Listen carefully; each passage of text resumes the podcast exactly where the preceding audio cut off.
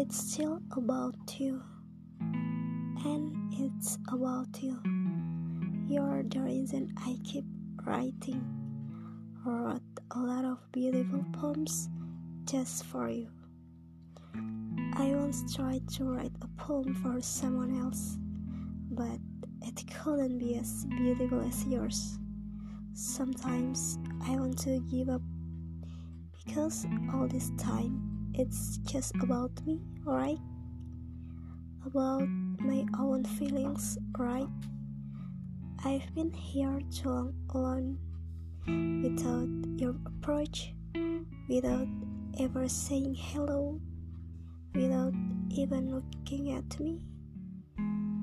It I see you when you look at the others, and you look at me like a blurry glass,